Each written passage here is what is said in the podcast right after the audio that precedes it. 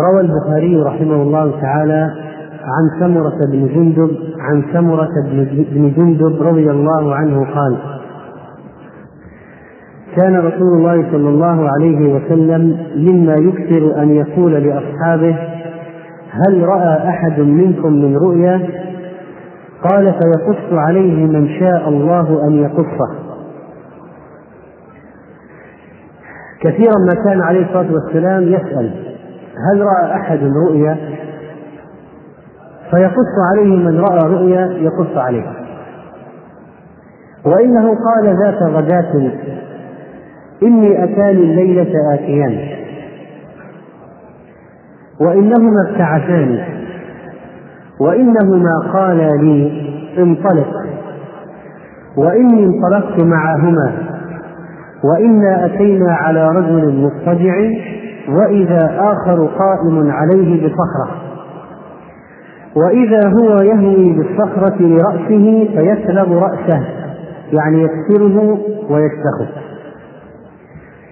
فيتهدهد أو يتجهجه يعني ينحط وينحدر فيتهدهد الحجر ها هنا يعني من هذه الجهة. فيتبع الحجر فيأخذه فلا يرجع إليه القائم الذي التقط الحجر لا يرجع إلى الرجل المضطجع حتى يصح رأسه كما كان ثم يعود عليه فيفعل به مثل ما فعل المرة الأولى من كسر رأسه. قال قلت لهما سبحان الله ما هذان؟ قال قالا لي انطلق انطلق. قال فانطلقنا فأتينا على رجل مستلق لقفاه. وإذا آخر قائم عليه بكلوب من حديد وهو الحديدة المعوجة الرأس التي ينزع بها اللحم من القدر مثل الخطاف. حديدة معوجة الرأس بكلوب من حديد. وإذا هو يأتي أحد شقي وجهه وجه هذا الرجل المستلقي فيشرشر شدقه أي يشقه ويقطعه. فيشرشر شدقه طرف الفم إلى قفاه من الخلف ومنخره إلى قفاه وعينه إلى قفاه. يشقها شقا بالكلوب من الحديد. ثم يتحول إلى الجانب الآخر فيفعل به مثل ما فعل بالجانب الأول. فما يفرغ فما يفرغ من ذلك الجانب حتى يصح ذلك الجانب كما كان. ثم يعود عليه فيفعل مثل ما فعل المرة الأولى. قال قلت سبحان الله ما هذان؟ قال قال لي انطلق انطلق. فانطلقنا فأتينا على مثل التنور الفرن. قال فأحسب أنه كان يقول فإذا فيه لغط وأصوات في هذا التنور. فاطلعنا فيه فإذا فيه رجال ونساء عراة. وإذا هم يأتيهم لهب من أسفل منهم فإذا أتاهم ذلك اللهب ضو ضو أي صاحوا وضجوا قال قلت لهم ما هؤلاء؟ قال قال لي انطلق انطلق. قال فانطلقنا فأتينا على نهر حسبت أنه كان يقول أحمر مثل الدم. وإذا في النهر رجل سابح يسبح وإذا على شط النهر رجل قد جمع عنده حجارة حجارة كثيرة. وإذا ذلك السابح يسبح ما يسبح ثم يأتي ذلك الذي قد جمع عنده الحجارة فيصغر أي رجل السابح له فاه فيلقمه حجرا فينطلق يسبح ثم يرجع إليه. كلما رجع إليه صغر له فاه فألقمه حجرا قال قلت لهما ما هذان؟ قال قال لي انطلق انطلق.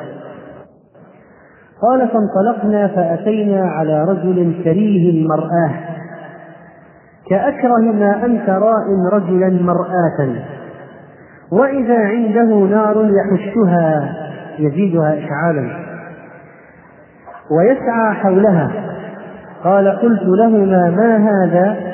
قال قال لي انطلق انطلق.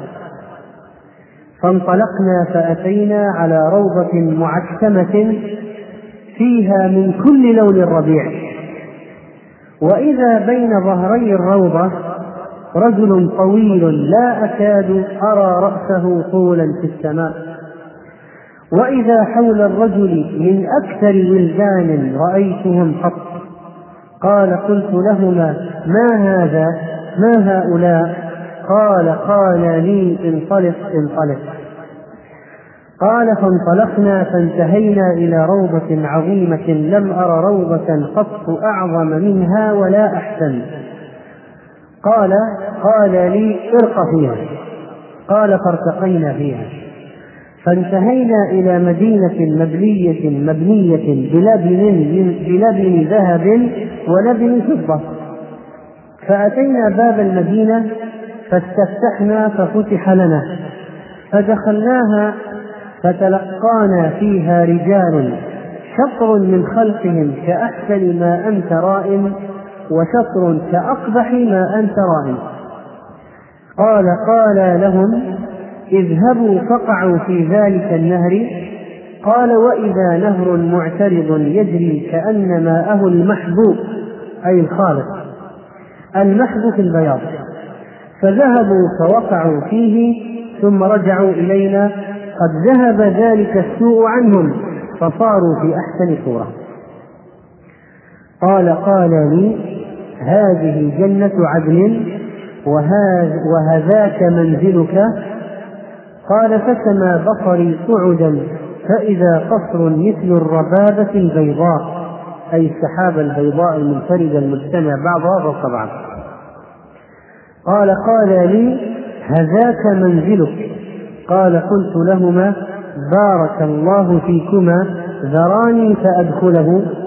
قال أما الآن فلا وأنت داخله. قال قلت لهما فإني قد رأيت منذ الليلة عجبا فما هذا الذي رأيت؟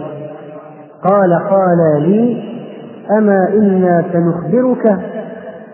أما الرجل الأول الذي أتيت عليه يسلغ رأسه بالحجر فإنه الرجل يأخذ القرآن فيرفضه وينام عن الصلاة المكتوبة. وأما الرجل الذي أتيت عليه يشرشر شدقه إلى قفاه ومنخره إلى قفاه وعينه إلى قفاه فإنه الرجل يغدو من بيته فيكذب الكذبة تبلغ الآفاق.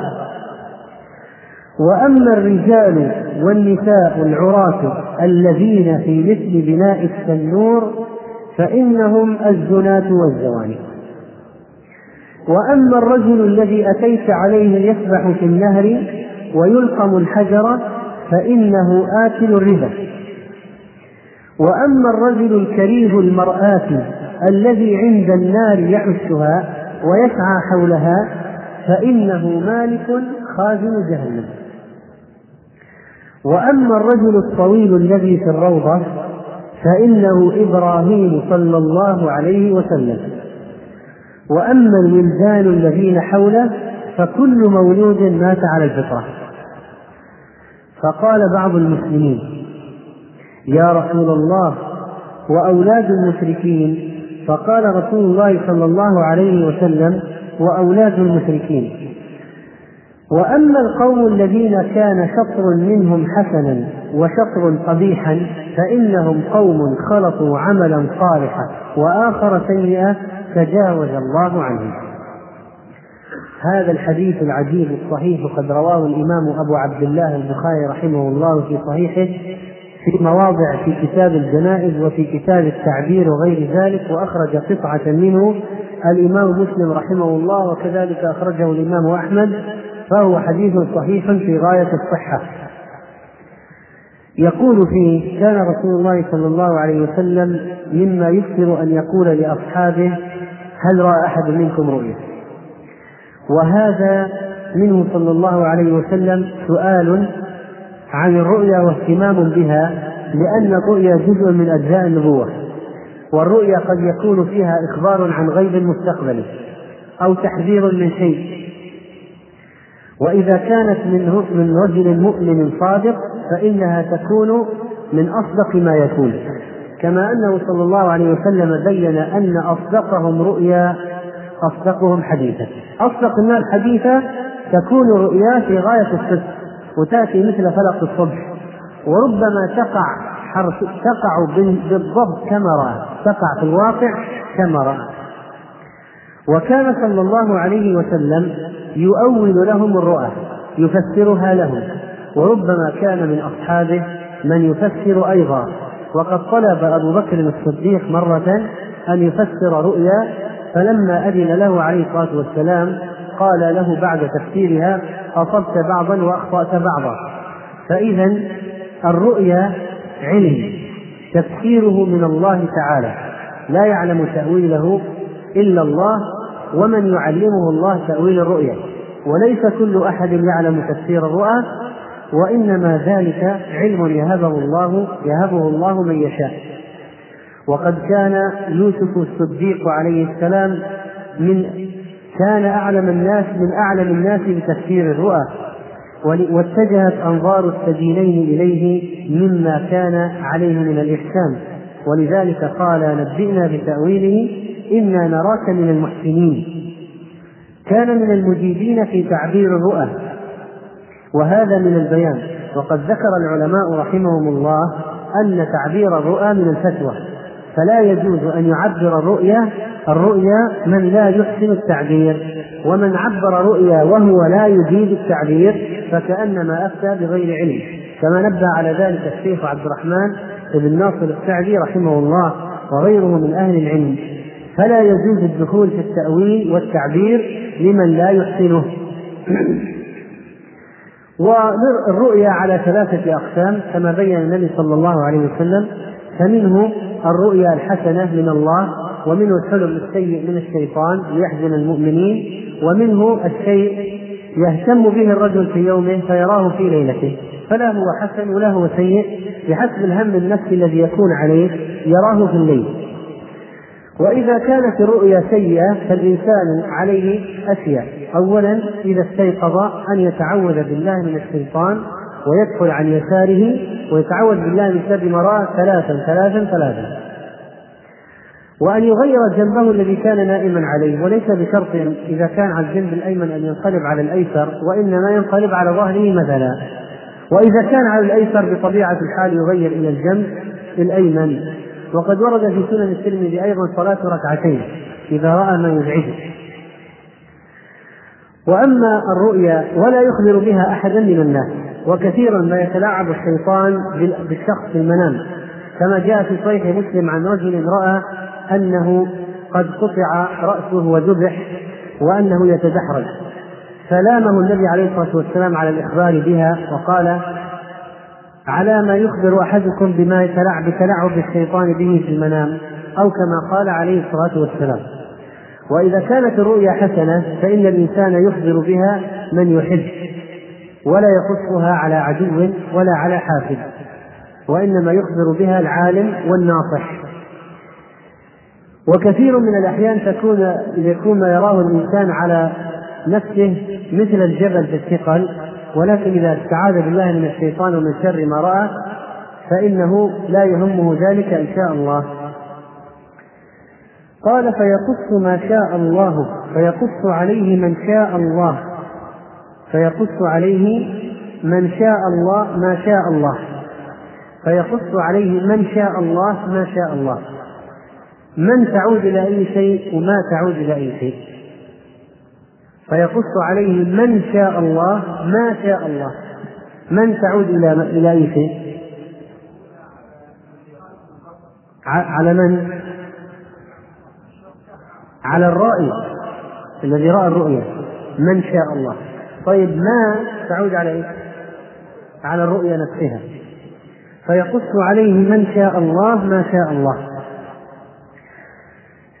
في بعض روايات هذا الحديث فسأل يوما هل رأى أحد رؤيا؟ قلنا لا. قال لكن رأيت الليلة وذكره فكأنه قال لهم لما قالوا له ما رأينا شيئا قال أنتم ما رأيت كأنه قال أنتم ما رأيتم شيئا لكني رأيت. وفي رواية عن سمرة أن النبي صلى الله عليه وسلم دخل المسجد يوما فقال هل رأى أحد منكم رؤيا فليحدث بها؟ فلم يحدث أحد بشيء. فقال إني رأيت رؤيا فاسمعوا مني فاسمعوا مني. في حديث البخاري هذا قال وإنه قال لنا ذات غداة إنه قال لنا ذات غداة. وفي رواية كان إذا صلى صلاة أقبل علينا بوجهه وفي رواية إذا صلى صلاة الغداة أي صلاة الصبح كما جاء في رواية أخرى. بعد صلاة الصبح يلتفت إليهم لأن الصبح بعد النوم. فيقول هل رأى أحد منكم رؤيا؟ فإذا كان الشخص يريد تفسير المنام لا بأس أن يقول هل رأى أحد رؤيا؟ فأعبرها له. مثلا وأخرج الطبراني بسند جيد عن أبي أمامة قال خرج علينا رسول الله صلى الله عليه وسلم بعد صلاة الصبح فقال إني رأيت الليلة رؤيا هي حق فاعقلوها. فذكر حديث مثل حديث سمرة لكن يظهر من سياق الحديث أنه حديث آخر. فإن في أوله أتاني رجل فأخذ بيدي فاستتبعني حتى أتى جبلا طويلا وعرا. فقال لي ارقه فقلت لا أستطيع فقال إني سأسهله لك. فهذا الحديث فيه أن الآتي واحد وحديث سمرة في البخاري أنهما اثنان. وحديث سمرة فيه أنه ما قال له انطلق وهذا الحديث الساعتان قال لي انطلق وهذا الحديث قال إنه أتى بي جبلا وعرا. قال كلما فجعلت كلما وضعت قدمي وضعتها على درجه حتى استويت على سواء الجبل يعني وسط الجبل ثم انطلقنا فإذا نحن برجال ونساء مسقطة أسلاقهم قلت من هؤلاء؟ قال الذين يقولون ما لا يعلمون. وفي بعض الطرق أنه قال أنه رأى ناسا تسيل أسلاقهم دما فسأل معلقون من عراقيبهم العرقوب في القدم تسيل أسلاقهم دما بالعكس مثل حال التعذيب. معلقون من العراقيل تسيل أسلاقهم دما فسأل عنهم فقيل هؤلاء الذين يفطرون قبل تحلة صومهم. ولذلك ينبغي الانتباه من الصائم بعدم الإفطار قبل الوقت الشرعي في الإفطار. قال إنه أتاني الليلة آتيان. هذان الآتيان هما ملكان. هذان الآتيان ملكان. وهذان الملكان جبريل وميكائيل كما جاء تفسيره. وإنهما ابتعثان أي أرسلان. ويحتمل أنه رأى في المنام أنه كان نائما فأخذ من قبل الملكين وابتعثاه من النوم وأخذ به. فحدث ما حدث. فلما استيقظ الاستيقاظ الحقيقي ليس الاستيقاظ الذي في المنام خبر بما في قال وإني انطلقت معهما في رواية إلى الأرض المقدسة وفي رواية إلى أرض مستوية قال وإنا أتينا على رجل مضطجع وإذا آخر قائم عليه بصخرة في حديث في رواية قال فمررت على ملك وأمامه آدمي وبيد الملك صخرة يضرب بها هامة الآدمي إذا من هو القائم الذي يعذب؟ من الذي يتولى التعذيب؟ ملك الذي يتولى التعذيب ملك. يهوي بالصخرة لرأسه فيسلغ أي يشبح رأس هذا المضطجع بالصخرة. فإذا الذي يتولى الشبح ملك. الملك هذا يحمل صخرة ويضرب بها رأس المضطجع. فيشدخه يشدخه والحجر يتدهده ويذهب ها هنا وها هنا. فالملك يتبع الحجر ويأخذ الحجر ويعود للرجل فلا يعود إليه إلا وقد عاد الرجل كما كان ويصح رأسه فيضربه مرة أخرى. إذا العذاب هذا متكرر متوالي هذا هذا الرأس يعود كما كان ليعذب مرة أخرى. وفي رواية عاد رأسه كما كان وفي رواية فيقع دماغه جانبا وتقع الصخرة جانبا. يشدخ الرأس يقع الدماغ على طرف والصخرة تتدحرج من الطرف الآخر هذا الرجل من هو؟ الذي يرفض القرآن أوتي القرآن فرفضه ونام عن الصلاة ينام عن الصلاة المكتوبة قال ابن العربي رحمه الله جعلت العقوبة في رأس هذا الشخص لأن النوم موضعه في الرأس النوم عن الصلاة موضعه في الرأس فجعلت العقوبة في محل الإذن. هذا الرجل بالتأكيد أنه لا ينام لغلبة النوم وأنه معذور وإنما ينام يتعمد النوم عن الصلاة المكتوبة. وهنا نبدأ الإخوان بالذات الذين عندهم نوبات أصحاب النوبات في الأعمال. بعضهم يتعمد أن يقول لزوجته لا توقظيني أنا أستيقظ إذا استيقظ. لأنه لا يريد أن يتقطع نومه. ويتعمد بعضهم أن لا يضع ساعة بدلا من أن يوصي زوجته بإيقاظه يوصيها بعدم إيقاظه. ويقول لا توقظيني ولا أحد يوقظني. ونحو ذلك. إذا هذا تعمد النوم عن الصلاة المكتوبة. وفي رمضان يتعمد بعض الناس السهر حتى ينامون عن الصلاة المكتوبة سألت مرة عن شخص قلت لأحد من واحد من يعرفه هذا متى يكون في بيته؟ قال هو يرجع من العمل الساعة الثالثة. طيب. قال لا لكنك لا تجده؟ لأنه ينام. كيف ينام؟ قال هذا ينام من الساعة ثلاثة العصر إلى الساعة عشرة في الليل. ويسهر من عشرة في الليل إلى ستة ونصف الصباح. ويذهب للعمل ويرجع الساعة ثلاثة. وينام من ثلاثة إلى عشرة في الليل.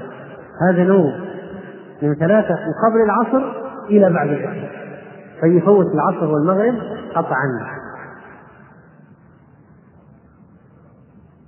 العصر والمغرب. العشاء ونصف الساعة لكن الآن الجريمة العظيمة إيش هذا النظام؟ نظام هذا كيف النظام هذا في النوم؟ هذا متعمد ان ينام عن الصلاة المكتوبة، متعمد واضح من من طريقة نومه التعمد ان ينام عن الصلاة المكتوبة.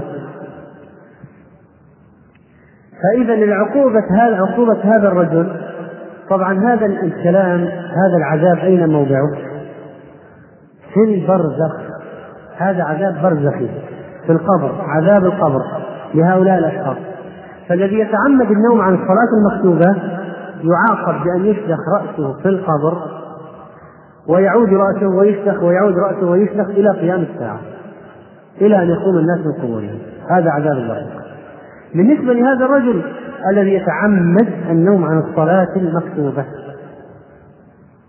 ولذلك يجب على الإنسان أن يستعد بالعدة اللازمة للاستيقاظ من المنبه والساعات وأن يوفي شخصا وبالهاتف وغير ذلك وطارق يطرق وينام مبكر وبالماء لأن النبي صلى الله عليه وسلم قال رحم الله رجلا أيقظ زوجته. قام من الليل يصلي فأيقظ زوجته أبت نضح في وجه الماء. إذا النبي عليه الصلاة والسلام يرشد إلى الإيقاظ بأي شيء؟ بنضح الماء لأن الماء منشط وطارد للنوم موقظ. وجرب تجد النتيجة. الماء منشط وطارد بالنوم والإيقاظ بالماء من أحسن وسائل الإيقاظ للنائم وإن كان بعضهم لا يعجبه هذا أبدا فنقول لا بأس الأسهل فالأسهل لكن إذا لم يوجد طريقة لقيامك من النوم إلا بهذا فليكن لأن القيام من الصلاة أهم من كل شيء. قال فيشرشر بالنسبة للرجل الثاني فانطلقنا فأتينا على رجل مستلق لقفاه وآخر وإذا آخر قائم عليه بكلوب من حديد. وقع في رواية فإذا أنا بملك وأمامه آدمي وبيد الملك كلوب من حديد فيضعه في شدته الأيمن فيشقه من اليمين إلى القفا والمنخر من اليمين إلى القفا والعين من اليمين إلى القفا. بالكلوب إذا من الذي يتولى التعذيب؟ ملك الذي يتولى التعذيب. والمنخر وكذلك العين. المنخر وكذلك العين. ثم يتحول إلى الجانب الآخر فيفعل مثل ذلك ويلتئم الشق الأول. الشق الأول يلتئم الشق الذي في الشق الأيمن يلتئم ويعود ليشقه ويشرشره مرة أخرى. طيب. هذا من هو؟ الكذاب اللي يكذب الكذبة فتبلغ الآفاق. والآن مع وجود البث الفضائي صار انتشار الآفاق الكذبة في الآفاق من أسهل ما يكون. فخذ العبرة. من اليمين ولذلك قال ابن العربي رحمه الله شرشرة حدث الكاذب إنزال العقوبة بمحل المعصية. إنزال العقوبة في محل المعصية. أين محل المعصية؟ بدأ به وعلى هذا تجري العقوبة في الآخرة بخلاف الدنيا. والاختلاف في حال هذا الرجل بحسب اختلاف حاله فقد جاء في رواية أنه مضطجع وفي رواية أنه جالس وفي رواية أنه قائم. إذا الكذابون الذين يكذبون الكذبات التي تبلغ الآفاق وتنتشر في العالم والأفق معروف الناحية في السماء الأفق الناحية في السماء والآفاق يعني النواحي النواحي. ولذلك فإن على الإنسان أن ينتبه من قضية الكذب ثم نشر الكذب وأن يقوله في وسيلة ينتشر فيها الكذب. وكلما كانت الوسيلة أشد انتشارا كان العذاب أشد كان العذاب أشد عليه. وكذلك فإن من أعظم الكذب الكذب في المنام أن يري الرجل عينيه ما لم تريا فهذا يكلف يوم القيامة أن يعقد بين الشعيرتين ولن يفعل لأن العقد بين الشعيرتين لا يمكن أمر محال. فيكلف بمحال فيكون عليه عذاب نفسي وعذاب جسدي لماذا ادعى أنه رأى الرؤيا الفلانية ولم يرها؟ وبعض الناس ربما يفعلها من باب الدعوة بزعمه. يقول هذا لا لا يفيد إلا أن أخترع له رؤيا أقول رأيتك في القبر كذا وكذا وكذا. هذا حرام ولا يجوز والغاية لا تبرر الوسيلة يجب أن تكون الوسيلة شرعية كما أن الغاية شرعية. أما أن نسلك وسيلة غير شرعية لتحقيق غاية شرعية فليس هذا من هدي الإسلام. الطائفة التي بعدها قال فأتينا على مثل التنور قبل أن نأتي النقطة هذه ذكرت تذكرت سؤالا. شوف أحيانا التقنية الحديثة هذه ماذا تفعل؟ من من من الابواب العظيمه التي فتحت في هذا الزمان. باب أتى به هذا الحاسوب في العالم وهو شبكة الإنترنت. فأحد الناس قذف شخصا على الشبكة. تعرف أنا قذف على الشبكة يعني أرسل ب أرسل باتهامه وقذفه ربما إلى آلاف الأشخاص. الآن هذا الرجل كيف تكون عقوبته؟ يعني لنا أن نتصور الكذبة التي تبلغ الآفاق بالوسائل العصرية من عدة جهات وبعدة صور وأشكال. فبعضهم ربما يستخدم التقنية هذه الحديثة في نشر الشر وفي عمل الشر ونشر الكذب وظلم الأبرياء وقذف المسلمين والمسلمات ونحو ذلك. ثم بعد ذلك إذا تاب يقول ماذا أفعل؟ قال في, في هذا الشخص الثالث فأتينا على مثل التنور في رواية أعلاه ضيق وأسفله واسع يوقد تحته نار. إذا هذا فرن أعلاه ضيق وأسفله واسع أعلاه ضيق وأسفله واسع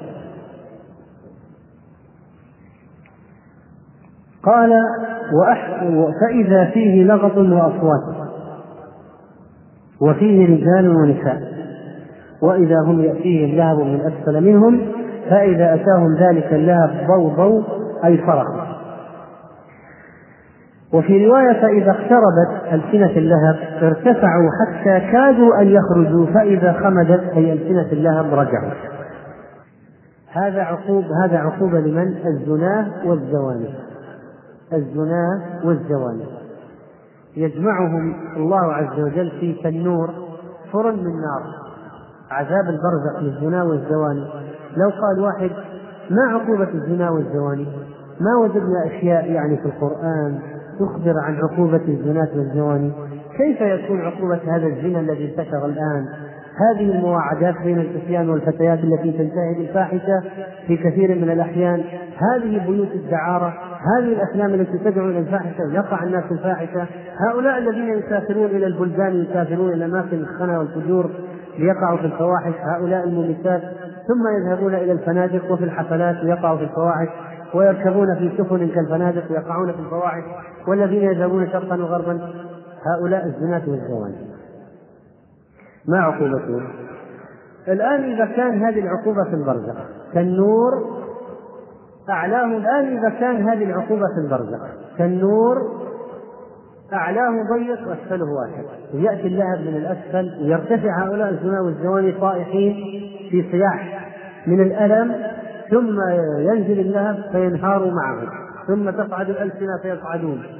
كلما أوشكوا على الاقتراب من توهته رجعوا مرة أخرى. وهكذا إلى قيام الساعة. فرن وقد ورد أن رائحته موخمة منتنة الفرن هذا رائحته منتنة. وقد ورد أن من شراب أهل النار ما يخرج من القيح والصديد من فروج الزناة والزوان فإذا هذه الكبيرة العظيمة لما حرمها الله قال إنها كانت فاحشة ومقتا وساء سبيلا معناها أن العقوبة عليها شديدة. وإذا كان هذا في البرزخ المؤقت الذي ينتهي فكيف يكون في النار؟ في نار جهنم. لا شك أنه سيكون أشد. لأن عذاب البرزخ أهون من عذاب النار. في البرزخ يعرضون على النار عرضا. لكن في القيام بعد القيامة إذا قامت القيامة يدخلونها دخولا. يوم القيامة يدخلونها دخولا. فإذا لما قال الله تعالى عن قوم فرعون النار يعرضون عليها يعرضون عليها هذا عرض. تفتح له باب الباب إلى النار وياتيه من سمومها ويحمومها وحميمها. هذا هذا فقط في البرزخ. والدخان. ثم بعد ذلك يوم القيامة أدخلوا آل فرعون أشد العذاب. وبعد ذلك قال فأتينا على نهر كان أحمر مثل الدم. على نهر أحمر مثل الدم. وفي رواية على نهر من دم. وإذا فيه سابح يسبح. ثم يأتي ذلك السابح إلى الشاطئ. يسبح في الدم ويأتي إلى الشاطئ. فيصغر ويفتح. فاه وعلى الشاطئ يوجد رجل معه صخور معه صخور يفتح هذا فوهته يرمي الواقف على الشاطئ الصخرة في فوهته ولا بد يفتح ولا يفتح باختياره. لا بد مرغما أن يفتح فيجعل الصخرة فيلقمه إياها. كريه هذا هذا المنظر الكريه والمؤلم يسبح بالصخور في نهر الدم. سباحة بصخور عظيمة في البطن في نهر الدم وتزداد الصخور وتزداد الصخور. لاحظ كل ما ازداد الربا الربا الفوائد المركبة تزداد تزداد بنسبة منسب مركبة. وهذه الصخور تزداد تزداد في بطن هذا السابح في نهر الدم. وهكذا لا زال يثقل ولا زال يسبح في الدم متألما بهذه الصخور العظيمة المتراكمة واحد وراء الآخر واحد وراء الآخر. يزداد عليه. كما أنه كان في الدنيا يأكل الربا والربا يتضاعف أضعافا مضاعفة وهو لا يزال يأكله فهكذا يكون عذابه. وبحسب الربا الذي أكل بحسب العذاب يكون عليه. مثلا بمثل سواء بسواء ولا يظلم ربك أحدا ثم ذكر الرجل كريه المرآة كريه المنظر كأكره ما أنت راء رجلا. وعنده نار يحشها وأخبر أنه مالك خازن النار. هذا الرجل يعذب أهل النار أو هذا الملك يعذب أهل النار بمنظره.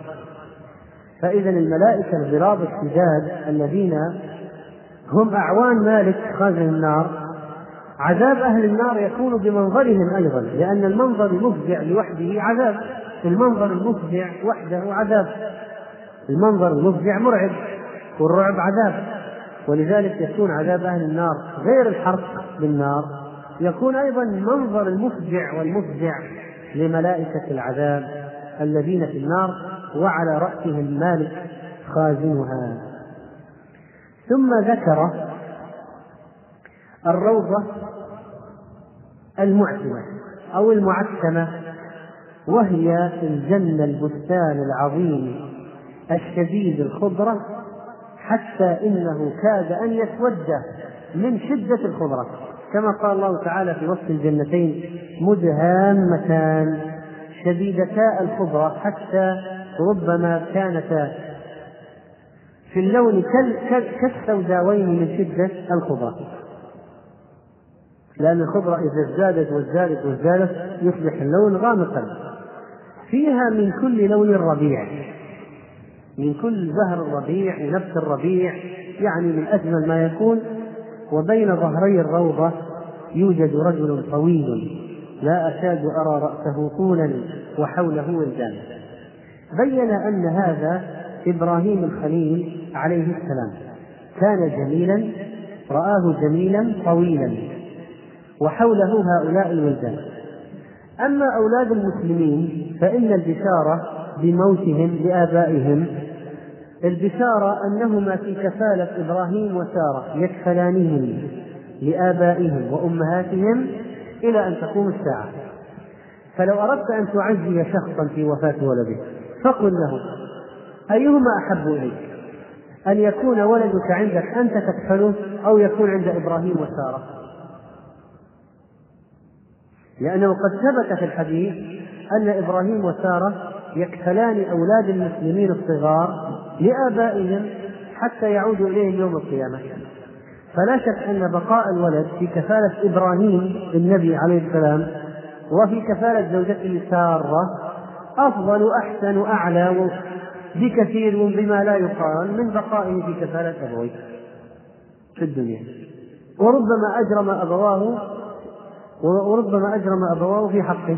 أما إذا صار في كفالة الخليل وزوجته فإنه يكون في أحسن ما يكون. ولذلك من البشرى لمن مات له ولد صغير هذا. وأما بالنسبة لأولاد المشركين فقد تفاوت أقوال العلم فيهم. وقد قال النبي صلى الله عليه وسلم في هذا الحديث أولاد المشركين وقال في حديث آخر الله أعلم بما كانوا عاملين فيحتمل أنه كان لم يوحى إليه شيء بشأنه فقال الله أعلم بما كانوا عاملين وثم أوحي إليه بشأنهم وفي رواية حسنها بعض أهل العلم أنهم خدم أهل الجنة أبطال المشركين وقال بعض أهل العلم أنهم يمتحنون. وقد ذكر هذه المسألة الكبيرة الإمام القيم رحمه الله في طريق الهجرتين وتوسع فيها. ونحن لا يضرنا يعني ماذا يكون مصيرهم؟ لو ما عرفنا لا يضرنا ذلك لأن الله عز وجل عادل لا يظلم أحدا. الله سبحانه وتعالى من صفاته العدل ولا يظلم ربك أحدا. فهو متصف بالعدل سبحانه وتعالى. قال فانتهينا إلى مدينة مبنية بلبن ذهب ولبن فضة ولا شك أن هذه صفة الجنة. وأنهما أدخلان أدخل النبي صلى الله عليه وسلم دارا فيها رجال شيوخ وشباب ونساء وفتيان. وأنه تلقي عليه الصلاة والسلام برجال شطر من خلقهم حسن وشطر قبيح. الآن هل نصف هؤلاء الناس حسن ونصفهم شكل قبيح؟ أو أن كل واحد من هذه المجموعة نصفه حسن ونصفه قبيح؟ اللفظ يحتمل كلا الأمرين. اللفظ محتمل لكن أحدهما يرجحه باقي النص فما هو الراجح؟ نعم. نصف الناس نصف الشخص. يعني كل شخص نصفه قبيح ونصفه حسن. ما الذي يدل على هذا التأويل؟ خلطوا عملا صالحا وآخر سيئا. فكان الجزاء من جنس العمل. لما كان خلطوا عملا صالحا وآخر سيئا صار نصفهم قبيح ونصفهم حسن. فقيل لهم قعوا في النهر المعترض الذي يجري بالعرض كأن ماءه المحض لبن مثل اللبن الخالص البياض. وقيل هو يحتمل أن يراد به الماء. كما قال النبي صلى الله عليه وسلم اغسل خطاياي بالماء والثلج والبرد فهذا منق ومطهر ومنظف فيذهب السوء عنهم. ويصير القبيح كالشطر الحسن وهذا يدل على عظم رحمة الله وأن رحمته عز وجل سبقت غضبه. فأهل الأعراف إذا قلنا الناس الذين يتساوت حسناتهم وسيئاتهم ما هو في النهاية ما هو مصيرهم؟ إلى الجنة لأن رحمة الله تسبق غضبه. لكن هذا الوقوف بين الجنة والنار مبدع بحد ذاته منظر مرعب لا يدري الإنسان إلى أين يتجه به. لذلك قال الله عز وجل فمن زحزح عن النار وأدخل الجنة فقد فاز. رأى النبي صلى الله عليه وسلم في المنام جنة عدن وسمى بصره صعودا وارتفع ثم رفع هو إلى قصر مثل الربابة وهي السحابة البيضاء المنفردة دون السحاب التي ركب بعضها على بعض. شبه القصر بهذا المنظر الجميل جدا سحابة بيضاء متراكب بعضها فوق بعض. هذه هذا القصر قصره صلى الله عليه وسلم. قال ذراني أدخل فأدخله فأدخله. قال أما الآن فلا وأنت داخله بالتأكيد ستدخله. وفي رواية فقلت دعاني أدخل منزلي. قال إنه بقي لك عمر لم تستكمله ولو استكملته أتيت منزلك. بقي لك عمر لم تستكمله ولو استكملته أتيت منزلك. ثم أخبر الملكان رسول الله صلى الله عليه وسلم وهما جبريل وميكائيل عما رأى. في هذا الحديث خطورة رفض القرآن بعد حفظه. رجل أوتي القرآن حفظه ثم رفضه. وهذه صورة للمرتد صورة للمنتكس صورة للمنقلب على عقبيه والمتولي عن الحق. الذي رزقه الله نعمة عظيمة وهي حفظ كتاب الله عز وجل ثم هو بعد ذلك أعرض عنها وتركها. وينام عن الصلاة المكتوبة وقد تقدم الكلام في هذا فالعقوبة على مجموع الأمرين ترك القراءة وترك العمل وعلى ترك الصلاة المكتوبة.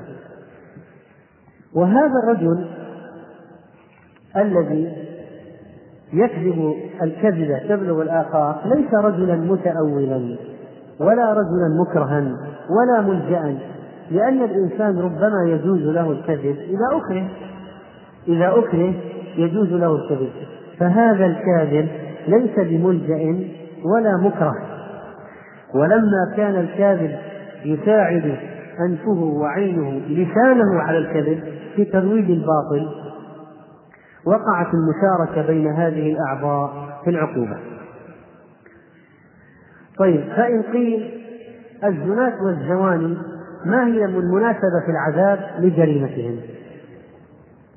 في شيء في العذاب يناسب جريمتهم ما هو؟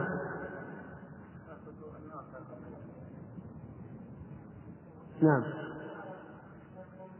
النار تأتي من تحت النار تأتيهم من تحت لكون جنايتهم من أعضائهم السفلى. وآكل الربا الذي يسبح في نهر الدم. قيل أن الدم أحمر. وما هو أعظم نقد موجود؟ في الذهب. والذهب أحمر. أعطيت الكنزين الأحمر والأبيض. فقيل وجه المشابهة أو هذا أن الربا في طبعا في النقد يقع في النقد. وأعظم النقد الذهب. طبعا وما يقوم مقامه من العملات الورقية. ويزاد له العذاب إشارة إلى أنه يتخيل أن ماله يزداد لكن في الحقيقة أنه يزداد عذابا.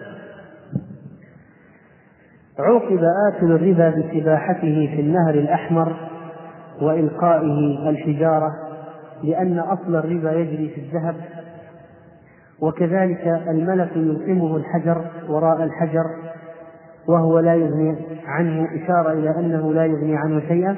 وكذلك الربا ممحوق ثم العذاب فيه متوالي.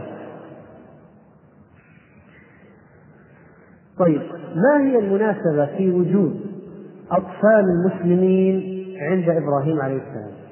لماذا عند إبراهيم بالذات؟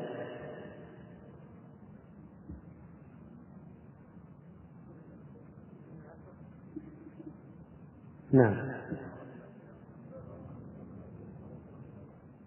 طيب غيره؟ نعم. لأن ما من مولود إلا يولد على الفطرة وهي التوحيد. وأشهر شيء في إبراهيم الخليل أنه كان حنيفا على الحنيفية وأن الله تعالى ابتلاه بسنن الفطرة فهو إبراهيم الخليل عليه السلام أبونا ملة أبيكم إبراهيم. إن أولى الناس بإبراهيم للذين اتبعوه والولدان الذين حوله كل مولود ولد على الفطرة فلذلك يكونون معه. وأما بالنسبة لهؤلاء القوم الذين شطر منهم قبيح وشطر منهم حسن هذا فيه عبرة وعظة في أن لا يخلط المسلم عمله الصالح بعمل. سيء لأن فيه نوع من العقوبة. تشويه منظره فيه نوع من العقوبة. ربما يؤول بعد ذلك إلى عفو الله عز وجل لكن بعد إيش؟ بعد أي شيء؟ وفي هذا الحديث كذلك أن القصر لا يقيم فيه الإنسان إلا إذا مات حتى النبي والشهيد.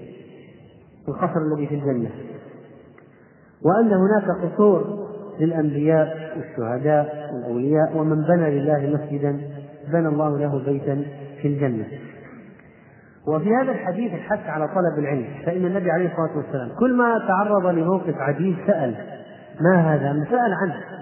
يسأل عنه لمعرفة الحقيقة وطلب الحقيقة والتماسها وفي هذا الحديث فضل الشهداء وأن منازلهم في الجنة أرفع المنازل. وكذلك في هذا الحديث أن من استوت حسناته وسيئاته يتجاوز الله عنه. ونسأل الله تعالى أن يتجاوز عنا برحمته إنه هو أرحم الراحمين. ثم في هذا الحديث أن العقوبات تناسب الجرائم والجنايات. ولما كان الزنا يتم عادة بالخفية فضحهم الله في البرزخ وصاروا عراة. والعاري مفضوح. والزاني من شأنه طلب الخلوة. كما كان يزني في خلوة صار في تنور. وكما كان كما كان في خفاء فضح بالعري. ويأتيه النار من أسفل مناسبة لأداة الجريمة. ذكر في هذا الحديث أنواع من الجرائم وهناك أنواع أخرى كثيرة من الجرائم لم تذكر فهذا يغني عما لم يذكر. هذه أمثلة. ثم كل الجرائم الأخرى لها عذاب لكن لم يخبر عنه فاذا ينبغي أن يتعظ كل شخص بأن الجريمة التي يعملها لها عذاب وإن لم يخبر بها والله تعالى أعلم. يقول هذا السؤال إذا أجهضت المرأة بعد شهرين من حملها بسبب موت الجنين وصار ينزل عليها دم. طيب. الجنين يجمع خلقه في بطن أمه أربعين يوما نطفة ثم أربعين يوما علقة ثم ثم أربعين يوم مضغة ثم يكون بعد ذلك التخليق يكون التخليق بعد الثمانين. نطفة وعلقة ثمانين يوم أربعين أربعين. بعد الثمانين يبدأ التخليق. ولذلك ذكر ذكر ابن قدامة رحمه الله تعالى في المغني أن الحامل إذا أسقطت بعد شهرين تجاوزت الشهرين يعني الجنين بدأ في التخلق فتكون نفاسا. فإذا أسقطت أنا قلت شهرين. إذا أسقطت بعد ثمانين يوم تكون نفساء لأن الجنين تخلق بدأ في التخلق أو بدأ في التخلق بدأ يظهر في تخطيط اليد والرأس ونحو ذلك. قبل الثمانين لا يتخلق لم يتخلق بعد قبل ثمانين يوما. إذا بعد ثمانين يوم إذا أسقطت تكون نفساء وقبل ثمانين يوم تكون مستحاضة. وبناء على هذا يكون صومها وصلاتها.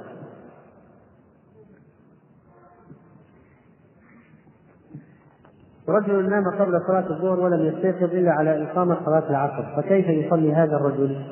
هذا الرجل يرتب الفوائد فيصلي الظهر أولا ثم العصر ولا حرج عليه أن يصلي الظهر وراء الإمام الذي يصلي العصر وتكون صلاته بنية الظهر وكذلك الذي فاتته عدة صلوات كالمستيسر من عملية جراحية يرتب الصلوات بعض لأن بعض الناس يظن أن الفوائد تقضى الظهر مع الظهر في اليوم التالي والعصر مع العصر في اليوم التالي ولكن الصحيح أنها تقضى متوالية. أول ما يقدر على القضاء يصليها ولو كانت كثيرة فإنه يصلي ويرتاح يصلي ويرتاح.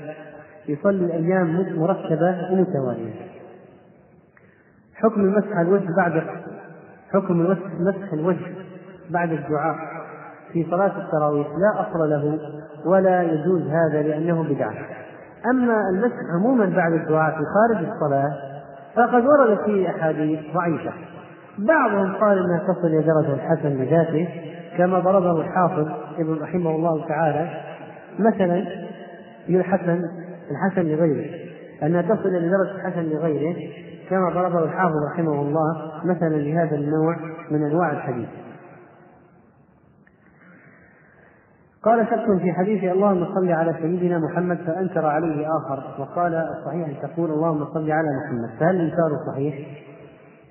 هذا يعتمد على ورود مكان ورود هذه العبارة فإن قالها في التحيات إن قال في الصلاة قال اللهم صل على سيدنا محمد في الصلاة نقول زدت على تشهد النبي عليه الصلاة والسلام وعلى ما علمنا ما علمنا لفظ سيدنا فإذا نحن ما نقول في هذا الموطن لكن واحد خارج الصلاة قال اللهم صل على سيدنا محمد. هذا شيء صحيح ولا يمكن إنكاره. والنبي عليه الصلاة والسلام قال أنا سيد ولد آدم. فإذا الإنكار في لفظة سيدنا هي إذا كانت في مكان معين بألفاظ معينة ما في هذه اللفظة. فمثلا ما وردت في اللفظة هذه في الصلاة الإبراهيمية في التشهد الأخير؟ ما وردت فإضافتها بدعة. والا خلاص نقول وإنا لله وإنا إليه راجعون ولا حول ولا قوة إلا بالله. ونقرأ سورة آية الدين ونقول هو قرآن. فنقول لا المسألة الآن ليس من القضية هذا كلام صحيح أو لا. هل ورد هذا الكلام في هذا في هذا الحال أو ما ورد؟ هل ورد في هذه المناسبة أو ما ورد؟ ولا نبتدع ولا نضيف ولما عطس رجل عند ابن عمر فقال واحد قال الحمد فقال الحمد لله والصلاة والسلام على رسول الله. قال وأنا أقول صلى الله عليه وسلم. لكن ما هكذا علمنا محمد صلى الله عليه وسلم. فاذا الزيادة في الأذكار الزيادة فيها من البدع. هذه أشياء محددة. أما الكلام العادي المفتوح واحد يلقي خطبة واحد يتكلم كلمة قال اللهم صل على سيدنا محمد وقال سيدنا محمد صلى الله عليه وسلم كل ذلك صحيح لا بأس به. هل يجوز أخذ إجازة اضطرارية للعمرة؟ الجواب لا لأن الإجازة الاضطرارية تعطى في حالات معينة ليست العمرة منها فمن قدم إجازة اضطرارية لعمرة معنى ذلك أنه قد كذب في دعواه أريد أن أجلس المسجد إلى وقت شروق الشمس يصلي ركعتين، ما هو الوقت؟ إذا ارتفعت الشمس قدر رمح يعني بعد الإشراق بعشر دقائق ربع ساعة يكون تكون الشمس قد ارتفعت.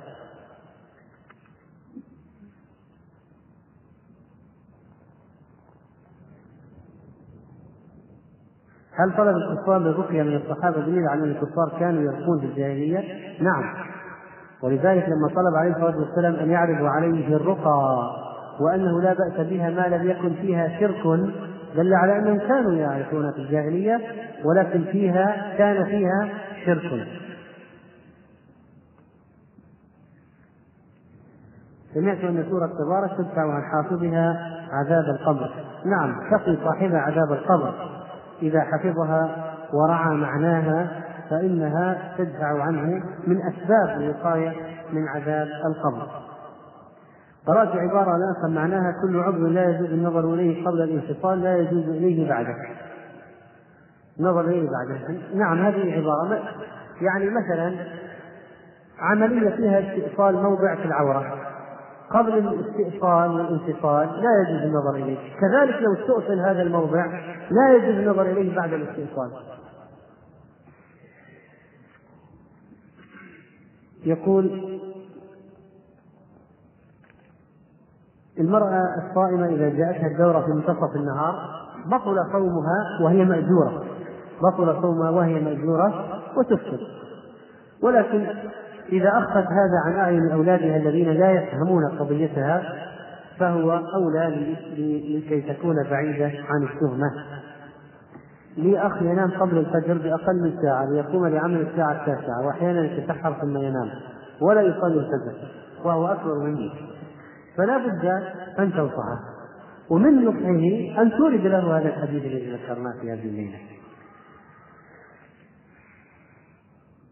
هل تعاني جمادات السيارة؟ نعم. تصيبها العين.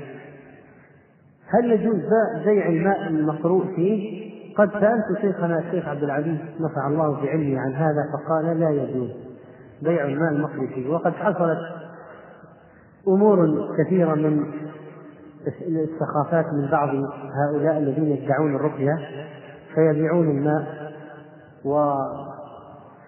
ويعملون تجارة ويقول هذا هذا بخمسين وهذا بمئة وهذا بخمسمائة. ليش؟ يقول هذا مقروء فيه مرة وهذا ثلاث مرات وهذا مقروء فيه سبع مرات وهذا مقروء فيه ثلاثين مرة. كلما ارتفعت كلما زادت المرات زاد السعر حسب الجودة السلعة. يبيعونه كلام الله يعني. ف وبعضهم ما عنده وقت يكفل فالوقت الواحد يكفل. وبعضهم يختم آية الأختام بالختم. ما عنده وقت يقرأها بالأختام وفوضى. ولذلك بعض هؤلاء لا يتقون الله. يكون رجلا فاشلا فيقول يريد باب رزق فيدخل فيه ويخدع عباد الله. فالمهم لا يجوز بيع الماء المقري فيه ولا الزيت المقري فيه يباع على أنه ماء نعم معروف سعر الماء. يباع أنه زيت نعم معروف سعر الزيت. أما يرتفع سعره لأنه مقروء فيه فهذا لا يجوز. هل يجوز الاغتسال بالماء المقروء فيه في الحمام؟ علما أنه يختلط مع مع النجاسات. الجواب نعم لا بأس بذلك. ليس للماء المقروء فيه القرآن حكم القرآن. ولا للشريط المسجل عليه القرآن حكم المصحف. ولذلك يجوز أن يمس الشريط شريط القرآن الجنب والحائض. وكذلك يجوز أن يغتسل بالماء المقري فيه في الحمام ولو كان ماء زمزم.